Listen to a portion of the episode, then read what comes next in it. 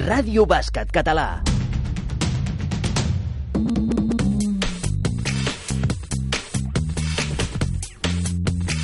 La tertúlia.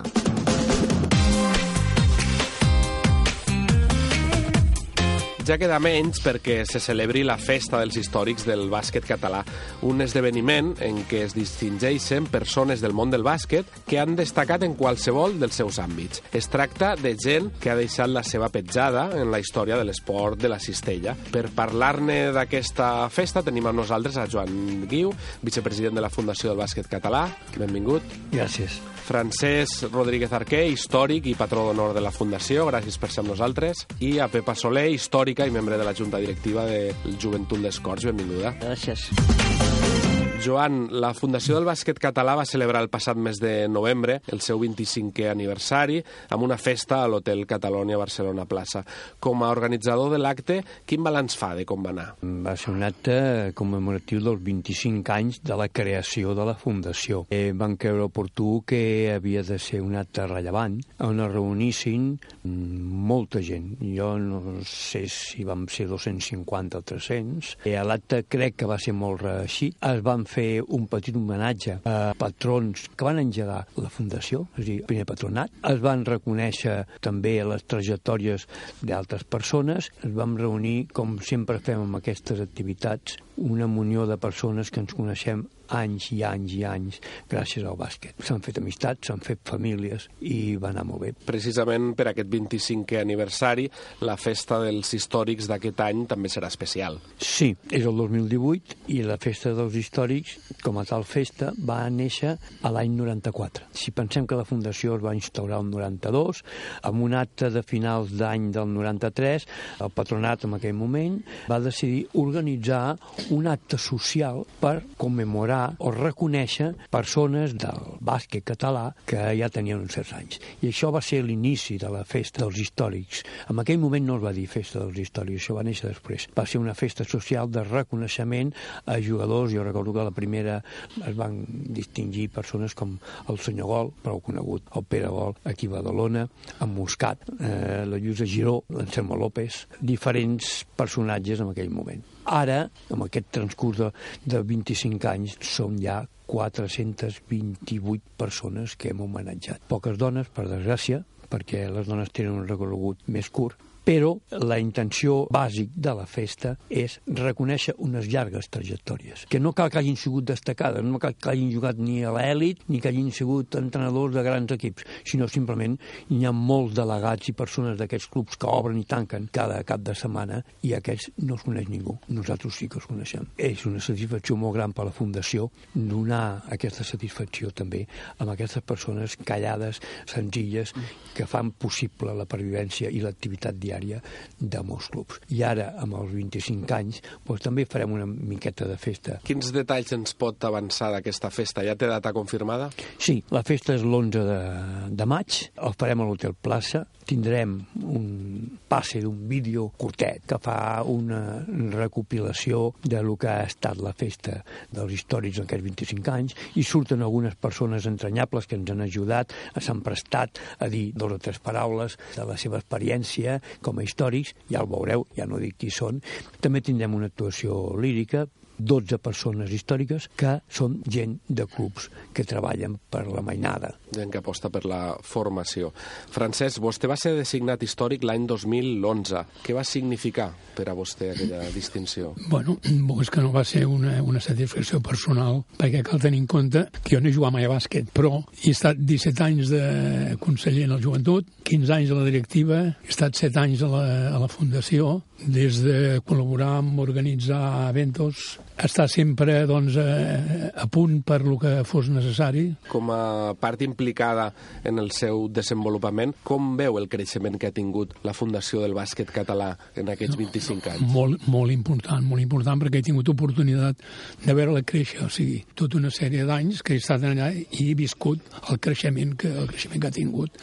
M'ha servit a la vegada doncs, perquè amb el món del bàsquet és com una família. I aleshores t'has trobat amb gent que havies conegut doncs, doncs, eh, feia uns anys, després havies perdut el contacte, i a través dels actes aquests dels històrics ens hem tornat a retrobar mantenint una amistat molt propera, vull dir que ara ja és una amistat que ha quedat per, per sempre, per dir una manera, no?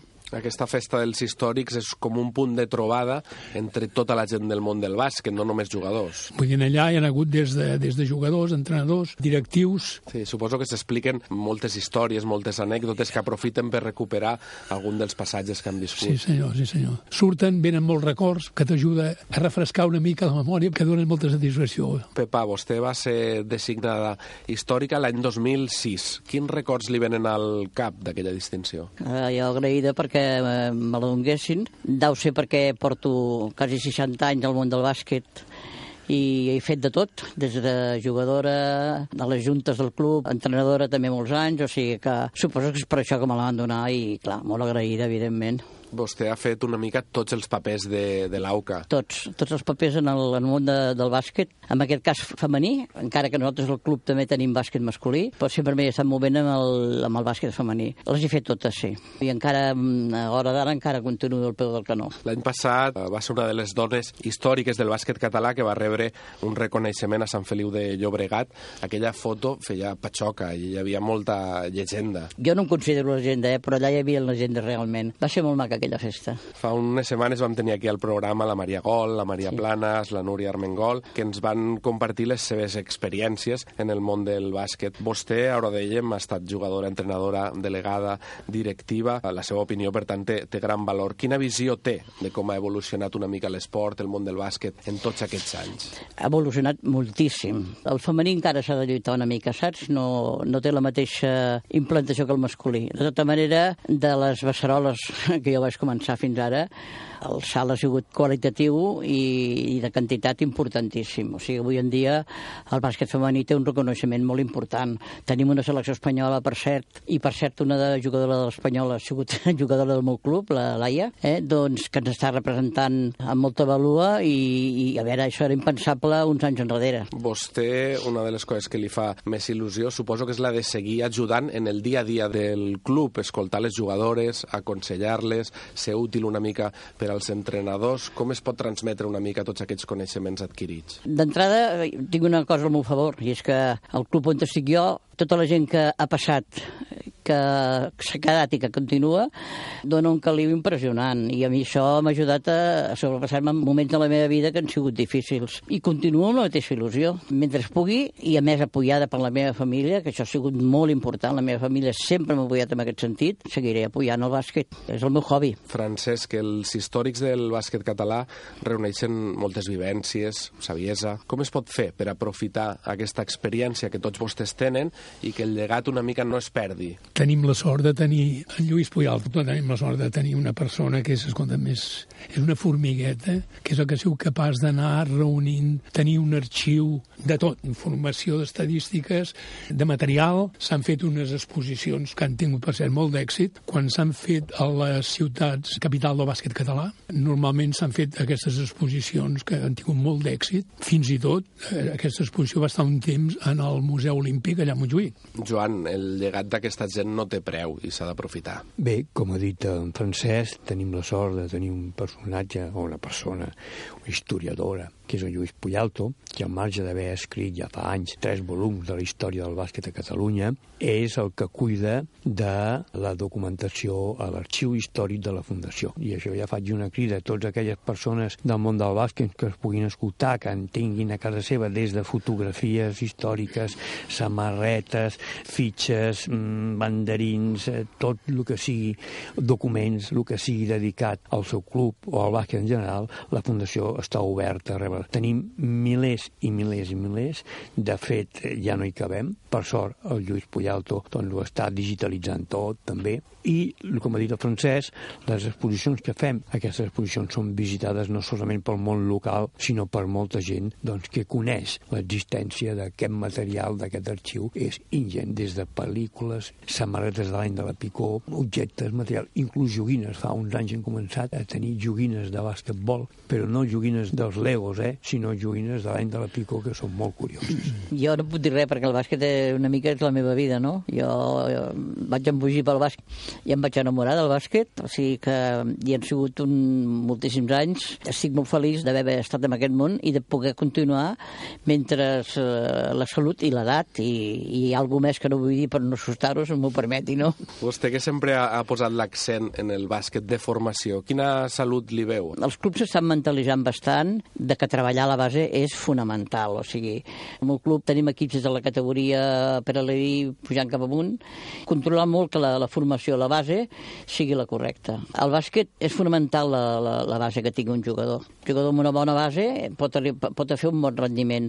Si és un jugador que no tingui una base, per molt figura que pugui ser, no serà el mateix. I això jo crec que s'està treballant bastant a, a Catalunya, sobretot. bueno, a la resta d'Espanya ho ignoro, suposo que també. Francesc, i coincideix amb aquest diagnòstic? Totalment, totalment. Vull dir, l'evolució que té, ha tingut el bàsquet i segueix tenint. Fa goig, per exemple, en els partits de, de la penya, els temps morts, vull dir, aquella canalla que tot just comencen a caminar, ja voten la pilota, surten de l'escola i els que van a la penya doncs ja passen al club, no? Jo parlant, doncs, en propietat per lo que és la, la penya, la quantitat de jugadors que han sortit, però d'això és que arreu d'Espanya és raro que no hi hagi un jugador que hagi sortit de la penya. Joan, ens parlava de com ha evolucionat el bàsquet. La Fundació sempre s'ha anat adaptant a aquests canvis, sent pionera en moltes iniciatives. Quins són els reptes de futur que ara s'obren? El repte més immediat de futur és aconseguir una seu per establir el museu de la Fundació d'una manera àmplia que puguem tenir exposats la ingent quantitat de materials que hi ha. I això sembla que està en bon camí, segons ens va informant. I després, el que em meravella és la previsió que ja van tenir els homes i, i dones que en aquell moment van engegar-ho l'any 92-93, perquè si veus els tres objectius fonamentals de la Fundació, continuen sent vàlids actualment, que és preservar el patrimoni del bàsquet català, de les persones i dels clubs, que és el que fa el Lluís Puyalto. L'altre objectiu era fomentar i promoure accions no per incentivar la pràctica del bàsquet, que això ja és propi de la federació, sinó per estudiar l'evolució del bàsquetbol, precisament. Tenim molts estudiants que venen a la biblioteca de la Fundació que venen a fer treballs. I després continua sent molt vàlid lo de la festa dels històrics del bàsquet català, que lligo amb les últimes intervencions de la Pepa i del Francesc, quan tu els hi has preguntat com veieu el futur i ells s'han manifestat el futur, el model de bàsquet català que diem molt des de la Federació i de la Fundació, que és que els nanos que han començat amb una entitat, i no cal que sigui en tots els de joventut, sinó una entitat senzilla, de barri, que comencen a l'escola de bàsquet d'aquesta entitat, acaben jugant al sènior. I després estan entrenant infantils o minis, i després fan de delegats, i després s'incorporen a la Junta. I aquesta gent és la, precisament la que reconeixem com a història del bàsquet català, una llarga trajectòria de fidelitat de servei, perquè també poden haver estat en molts clubs d'un radi d'acció determinat, no? que és intensificar aquesta feina, que tota aquella gent del bàsquet que tingui ganes de fer més coses, els obrim les portes de la Fundació i són benvinguts perquè allà sempre hi ha feina que hi ha gent, col·laboradors, que venen algunes tardes ajudant-nos a classificar, mirar fotografies de l'any de la Picó, que els que estem per allà doncs, no han tingut oportunitat de conèixer algun jugador i pot venir el Francesc o pot venir qualsevol altra persona i diu, no, no, mira, aquest és Menganito, i això ens ajuda molt. Doncs amb aquesta reflexió final ens quedem, els agraïm a tots tres la seva presència aquí als estudis i ens veiem a la Festa dels Històrics del Bàsquet Català. Moltes gràcies. A vosaltres. Gràcies a vosaltres.